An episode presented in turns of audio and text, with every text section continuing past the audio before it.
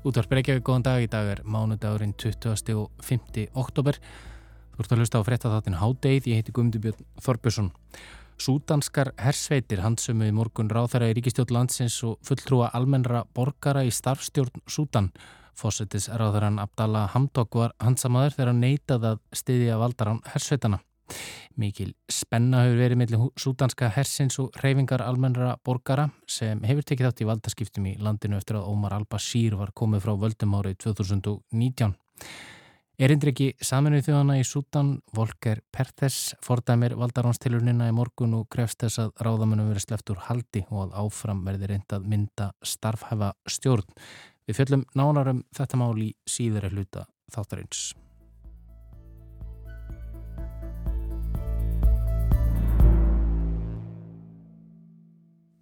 En eins og vanalega á mánudum þá byrjum við heimi íþróttana og í dag ætlum við að tala um fótbolta.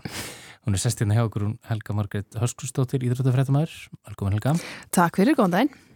E, í gerð fóru fram tveir risaleikir í Euróskum fótbolta. Stærstur leikir sem leiknir eru á ára hverju. Leikir Erki Fjanda á Spáni og Englandi. Í Barcelona tókust á heimamenn og Real Madrid. Lið sem hafa eldað grátt silfur saman svo lengi sem elstumenn munna í Manchesterborg á Englandi á sama tíma þá letið Liverpool og Master United saman hesta sína. Uh, við kannski byrjum á þessum síðanemdaleg, Liverpool og Master United.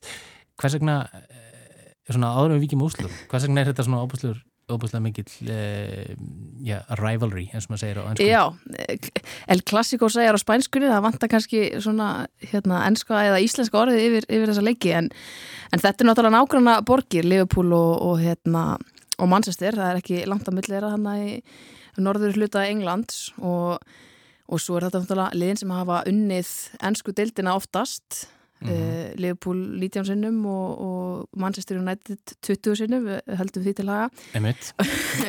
Byrjum sem var úslitið með gerdagsins þannig að þetta eru sígursar lið og, og hérna og þetta er alveg að fyndið að það, þetta er alveg meiri svona þó svo að Manchester slagurinn sé alltaf alltaf stór og, og sem úr leifbúlslagurinn þá er þessi kannski starri en, en þeir. Já, einmitt. Og, og við ekki þó kannski að leiknum að er þú svona, svona treð til þess að ræða þetta þetta með í morgun, það sem að koma á daginn að þú heldur United. Og ég held með leifbúl þetta var algjör einstöfna Já, það verður bara ekki það verður bara ekki annars sagt, það koma fjögur mörg þannig strax í, í fyrri hálfleik frá leifbúlmönnum fyrsta hvað, 12 mínútið eða eitthvað svoleiðis.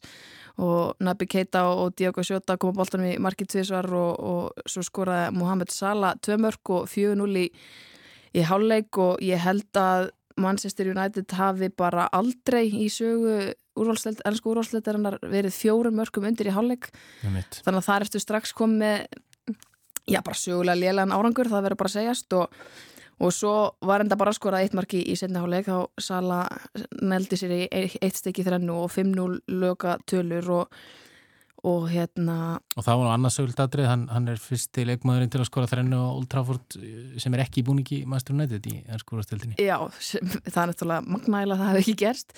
Eh, hinga til en, en hérna þetta var líka í fyrsta skipti sem að United tapar eh, með 5 marka mun á heimaðalli án þess að skora sjálfur þess að fyrst getur sem er tapa 5-0 og hérna og það hefur ekki gerst uh, og 5-0 tap hefur ekki gerst síðan árið 1955 á móti Manchester City. Þannig að það eru 66 ár og, og í þessari viðrögn Liverpool Manchester þá hérna hefur hafa United einu sinni tapað með meiri mun og það var árið 1895 þegar Liverpool vann 7-1 á Anfield og þá hétt United ekki einu sinni United, þá héttur Newton Heath þannig að það er svo langt síðan. Þetta lítur að sko, svíða fyrir stuðnismenn Master United og, og liði hefur náttúrulega ekki kannski, ja, þetta hefur verið svona upp á hann, það eru, það eru góðir leikmenn í þessu liði en maður hefur svona hérta Uh, já, stjórin Óli Gunnar Solskjær, hann ná ekkert ekki að mynda einhvers konar lið. Já, þetta er ótrúlega ótrúlega skrítið, þeir náttúrulega kannski svona, já, þeir bjarga tíumböli fyrra fyrir hot, þeir klára í öðru sæti og, og það þótti kannski bara svona ásættanlegt með að við allt sem á undan hafi gengið. En, og þeir byrja deildina núna vel, vinna Leeds 5-1 í fyrsta leik og, og hérna, stuðnismenn verða að vonum peppar yfir því, svo, svo kemur jafntefnileg gegn Southampton og Sigur gegn Wolves og svo kemur Ronaldo mm -hmm. og þeir vinna Newcastle 4-1 og þá er maður fann að hugsa ok, þannig er að komið, þannig er síðasta púsli komið þetta, það, veist, það var kannski það sem svolítið það sem var hvart það var síðustu leiktíða, það væri ekki alveg framherri til, til að skora alveg mörg og þannig var hann kominn og það virtist verið að ganga svona rosalega vel en svo kemur næsti leikur og það er Young Boys í, í meistaradeltinni og það er þeim bara skellt 2-1 og, mm -hmm. og síðan hefur þetta eiginlega bara verið svolítið fátum fína drætti hjá liðinu og ég held að það sé búin að ná í eitt steg af tólf mögulegum í síðustu, síðustu deildalegjum sem er náttúrulega ekki ásætanlegt. Sko. Nei, þetta er svolítið snúin staður fyrir sko, bæði stjórnina og, og leikmenn það sem að það sem að stjórin er svona góðsögn í Master United. Það er kannski vandamálið. Það væri sennilega búið að rekan ef þetta væri ekki úrleikunum solskjær. Mm -hmm það, það verður bara að segjast og, og hvað þá eftir svona tap þó svo Liverpool sé ekki í vestarliði í dildinu þó þetta sé ekki tapamóti í þú veist Norvids eða Watford eða eitthvað þá hérna, er þetta samt risastórt tap og það er bara vandraðalegt að tapa svona stórt fyrir Liverpool. Liverpool liðið þrátt fyrir að vera frábært er ekki svona mikið betri en þetta United liðið ætti ekki að vera það. Þannig að manni líður svona eins og að hver sem er annar hefði væri, nema kannski Sör Alex Ferguson mögulega, mm -hmm. hefði reygin eftir, eftir svona sigur, en þeir verist treystunum allavega til þess að leiða þessar breytingar sem hefur í gangi en ég held að hann þurfa að fara að sína fram á eitthvað og, og þeir hafa verið að segja hann úti ennsku, ennsku hérna, blamennur, hrettamennir og, og spekingarnir að ef maður verður ekki reygin þá er pressan eftir þennan leik náttúrulega gríðarleg sem þýðir að það er ekki pláss fyrir mikið að viðstökum í viðbútt hjá hann áður að hann verður bara að taka bóka sinn. En svo náttúrulega stóra spurningin er kannski líka á ástæðan fyrir því að, að þetta er ekki orðið svona, já, háverðar að hann sé að fara er, er svo að það er ekki vita hver ætti þá að taka við? Það er ekki margir Nei, svona frambúrskanandi þjálfarar á lausu. Já, fátum fína drættið þar. Mm -hmm. og talandum Alex Ferguson, það sást nú myndir á honum í stúkunni gera og honum var ekki skemmt. Nei, svo sannarlega ekki, ekki. En við ekki með þessi lókin eh, Helga að hinnum stóleiknum sem var ekki er El Clásico á Spáni, þar tókust á Barcelona og Real Madrid á heimaðalli Barsunga þar hafði Madrid ykkar sigur 2-1 e, þessi leikur kannski sildi svona meira undir radarann en hann hefur gert síðust ár. Já og það kannski helgast að því að fyrst var, þetta var náttúrulega þetta voru náttúrulega stórleikir þegar að Messi og Ronaldo voru þannig að báðir. Þá var þetta einhvern veginn svona þeirra barátt á og hérna og svo fóð náttúrulega Ronaldo til Ítali en þá var Messi allavega eftir og, og svo mennin svo hérna Sergio Ramos og þeir, ég held að þeir tveir Ramos og Messi já, í einhverja ég veit ekki hvað marga leiki af þessu saman Já, ég heldur sko. ég í kringu 45 leiki sama, eða sem sagt báðir Já, það, það hefur ekki verið spilaður klassíkuleikur án þeirra síðan árið 2005 Nefnitt. og Ramos fer einmitt í Paris Saint-Germain í sumar eins og Messi eins og Messi, þannig að þeir eru báðið farnir og, og þá er einhvern veginn fáar svona stórstjörnir eftir þetta eru alltaf þetta góði fókbaltamenn en, mhm. -huh. en hérna það er svona, það er kannski þess sem þessi leik, leikur fer svolítið undir radarinn og, og svo kannski fellar hann líka í skuggan af, af hinnum leikni sem við vorum að ræða hérna. Ja. en e, þetta var svona Real komst yfir 2-0 þarna og það var svo sem kannski aldrei að fara neitt öðruvísi. Barcelona skóla þarna eitt marki bara á síðustu mínutunum og, og þeir eru náttúrulega ekki í góðri stuðu Nei, þeir eru Korki fjárhagslega nefn fókbaltalega, þeir hérna, eru nýjundarsætt í deildinni og, og það er orðið heitt undir kóman sannlega þjálfara þeirra líka sem leðis Emmitt, það lítur ekki vel út fyrir, fyrir Barcelona á þessum tímúti og kannski ekki, ekki fyrir Master United heldur. Nei, allavega ekki, þó að þeir, við erum í sjöndasætinu samt, það, ja. það gefum okkur það. Við tökum því. En uh, eh, hátegi snýr aftur strax að loknum hátegisautum og þá ætlum við að bregða okkur yfir til Sútan og ræða, já, svona öllu alvarleiri mál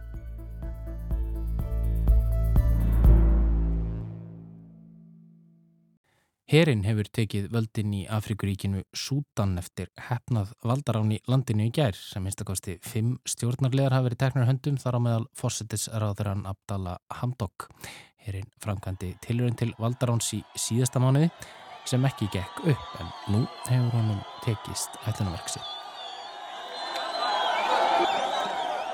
Það sem þú heyrir hér hlustandi góður hljómar eins og fagnaðróp en ekki mótmæli í borginni Omdurman, fjölmennustu borgar Sútan, en borgin liggur við vesturbakka Nílar gengt höfuborginni Khartoum.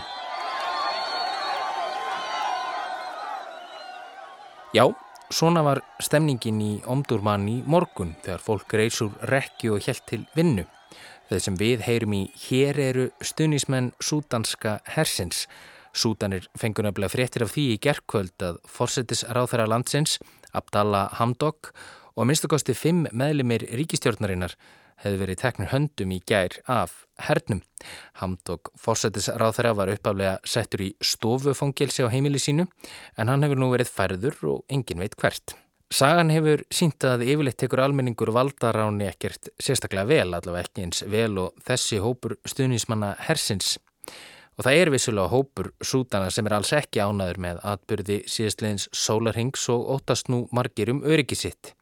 Í ofur einfölduðu máli má nefnilega segja að Sútanir skiptist í tvær fylkingar pólitíst séð, þau sem stedja herin og þau sem stedja ríkistjón landsins sem í daglegu tali eru nefndir einfallega almennir borgarar. En þessir tveir hópar, herin og almennir borgarar, deila völdum í landinu í gegnum hið svo kallaða fullveldisráð eða gerðu það allavega þar til í gerð. Til að skilja þetta allt saman betur við að hverfa aftur í tíman, svona svo 30 ár til að byrja með.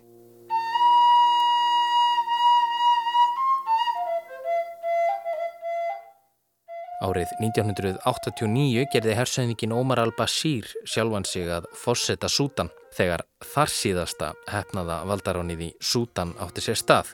Hann stjórnaði með harðri hendi í 30 árið allt til ásins 2019 þegar hún var steift af stóli afhernum eftir langa og mikla mótmæla öldu víðam um land þar sem almenningur krafðist þess að Al-Bashir leti af völdum. Þessi mótmæla aldan áði hámarki 7. apríl 2019 þegar mótmælendur tóku yfir torg í höfuborginni Kartúm sem stendur við höfustöðar hersins og kröfðust þess að herin steifti fósettanum af stóli. Fymdugum síðar kom tilkynningin Ómar Al-Bashir, fósettar landsins, var steift af stóli. En hvað tók við þá? eins og svo ofta áður í ríkjum þar sem almenningur gerir uppreist gegn hernaðarlegum einræðisherrum er það einmitt herin sem tekur stjórnina og það var það sem gerðist. En það döði ekki til. Mótmælinn heldu áfram í trássi við útgöngubann sem herin hafði sett á. Mótmælendur sögðu herin hluta af valda elitunni sem þau vildu burt. Fljótlega herðust kröfur um að þetta nú að framselja Al-Bashir alþjóða glæpadómstólnum Herin var ekki á því en stjórnarnanstaðan og mótmælendur á öðrumáli.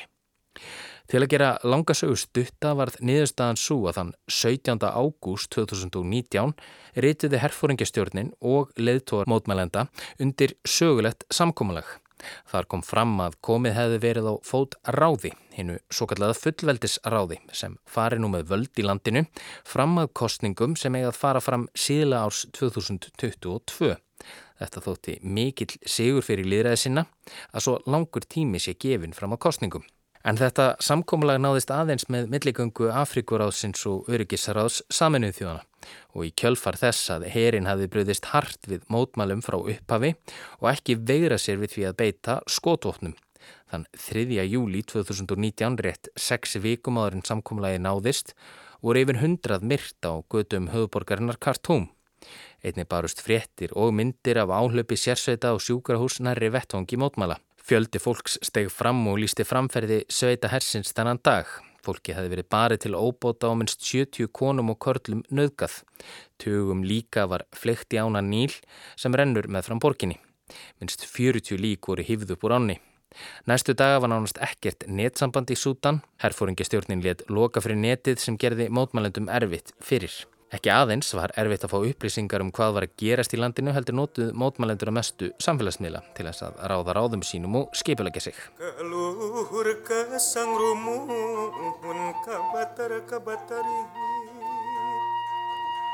En gott og vel, samningar náðust og fullveldis ráðið var skipað. Það skipa 11 meðlimir fimm úr röðum hersins og fimm almennir borgarar sem valdir eru af stjórnmálarhefingunni FFC, aflum frelsi og breytingar. Sáhópur er hansi fjölbreyttur en á það sameigilegt að vilja líðræðislega kjörna ríkistjórn í landinu. En svo er það 11. meðlemurinn. Hann kemur herin og FCC sér samanum. Ráðið var stopnað sem fyrr segir í ágúst 2019 og er gert að starfa í 39 mánuði. Formaður þess fyrstu átjón mánuðina er Abdel Fattah al-Buran, hersöðingi, en næstu átjón mánuði á formaðurinn að koma úr röðum almennra borgara. Að þessum tímaliðnum, í november á næsta ári, á svo að búa til almennra kostninga. Ráðið skipaði Abdallah Hamdok fósettisráðara út þennan tíma. Gunung ti kulon ti wetan, gunung ti kidul ti kaler nagara, tawang gantungan. En nú er þetta óvinnulega líðræðisferðli komið í uppnám. Herin hefur tekið völdin. En valdaránið í Súdan kemur þó ekki eins og þrjum ár heiskýru lofti.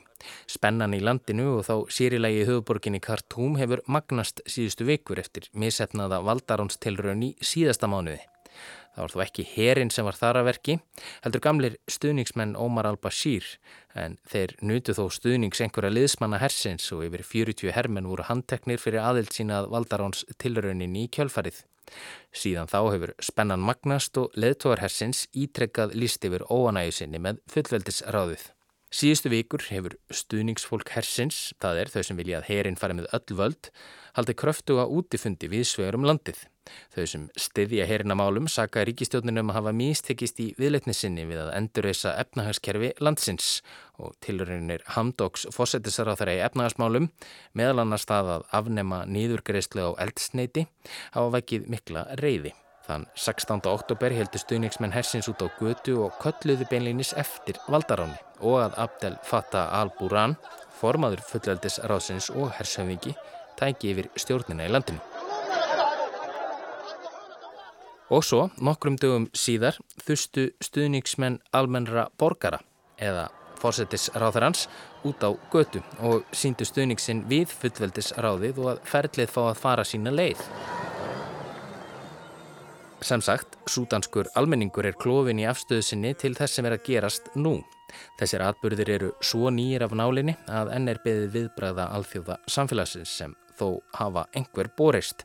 Jósef Borrell, auðverkismálastjóri Evrópusambandsins, kallaði í morgun eftir því að fyrrnemdu ferli verði afturkomið á samstundis og að atbyrðir gerðkvöldsins séu mikið áhyggjöfni. Þá hafa saminuðu þjóðunar kvart herin til að sleppa án tafar þeim sem herin hefur tekið höndum á ólögmætan hátt. Volker Pertes, sérstakur erindriki saminuðu þjóðuna við Sútan, saði yfirlýsingu í morgun og hann hefði djúbstæðar áhyggjur af atbyrðum síðastlegins sólarhengs og nú þurfi herin og almennir borgarar að setjast niður að nýju og koma málinu í réttan farveg. Og nú rétt fyrir hátegi bast tilkynning frá Abdel Fattah al-Buran hershöfingja og formanni fullveldisraðsins. Þar tilkynnti hann að ríkistjótt landsins hefði verið list upp og neyðar ástandi hefði verið líst yfir í landinu öllu.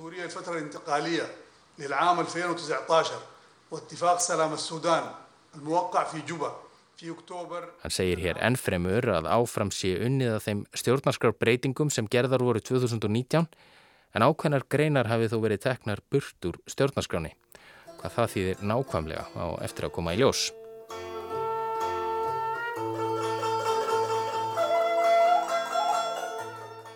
En þeir almennu borgarar í Súdan sem ekki stiðja herin óttast nú um lífsitt.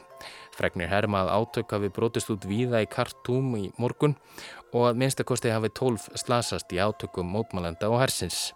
Aðeins er réttur um tvö ár eru frá fjöldamorðinu í Khartoum, fjöldamorði sem herin framdi undir stjórn Abdel Fattah al-Buran, mannsins sem allt bendir til að fari nú með öll völd í Sútan.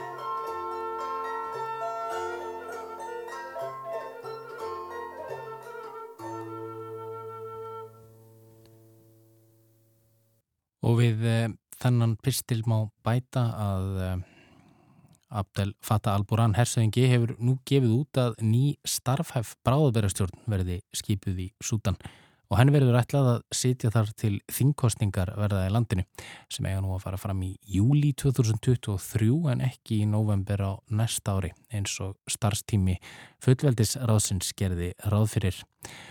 Og að sögn upplýsingamála ráðanitis Súdans þá var skotið á mótmælendur í höfuborginni Khartoum í morgun þegar þeir söpnuðust saman og hlóðu göduvirki til að andæfa valdaráni hersins. Og þá hafa fleiri rattir alþjóðarsamfélagsins heyrst í morgun til viðbútar við Evrópusambandsins og saminuði þjóðana sem fordæmdu valdaránið í gær. Afrikusambandið hefur gert það sömu leiðis og þá hefur bandaríkja stjórn líst yfir þungum áhyggjum af gangi mála sem og Arababandaleið. Öll eru þau sammálum að hér sé verið að brjóta gegn þeim samningi sem gerður var árið 2019 og hvað á um að herin og almennir borgarar stjórnuðu landinu í saminningu fram að þingkostningunum í november 2022. En nánar má lesa um þetta valdarón á webnum okkar roof.is. Háttegið er á enda í dag. Við verðum hér aftur á sama tíma á morgun. Þennan þátt og alla hérna er hægt að hlusta á í spilaran á roof.is og þá er hægt að senda okkur ábendingar á netfangið háttegið hjá roof.is. Verðið sæl.